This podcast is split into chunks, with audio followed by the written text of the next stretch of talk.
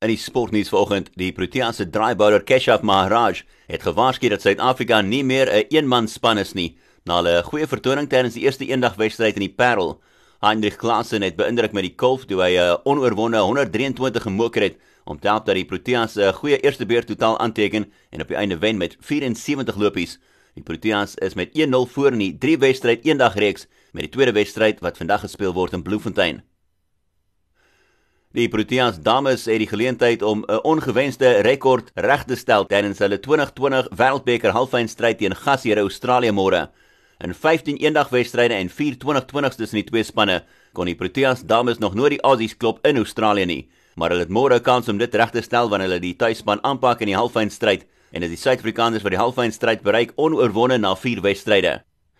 En in sokker is dit Jurgen Klopp wat volhou dat die beste van Liverpool se seisoen dalk nog steeds op pad is ten spyte van 'n derde nederlaag in 4 wedstryde wat gelei het tot die feit dat hulle uitgeskakel is uit die FA Cup met 'n 2-0 nederlaag aan die hande van Chelsea.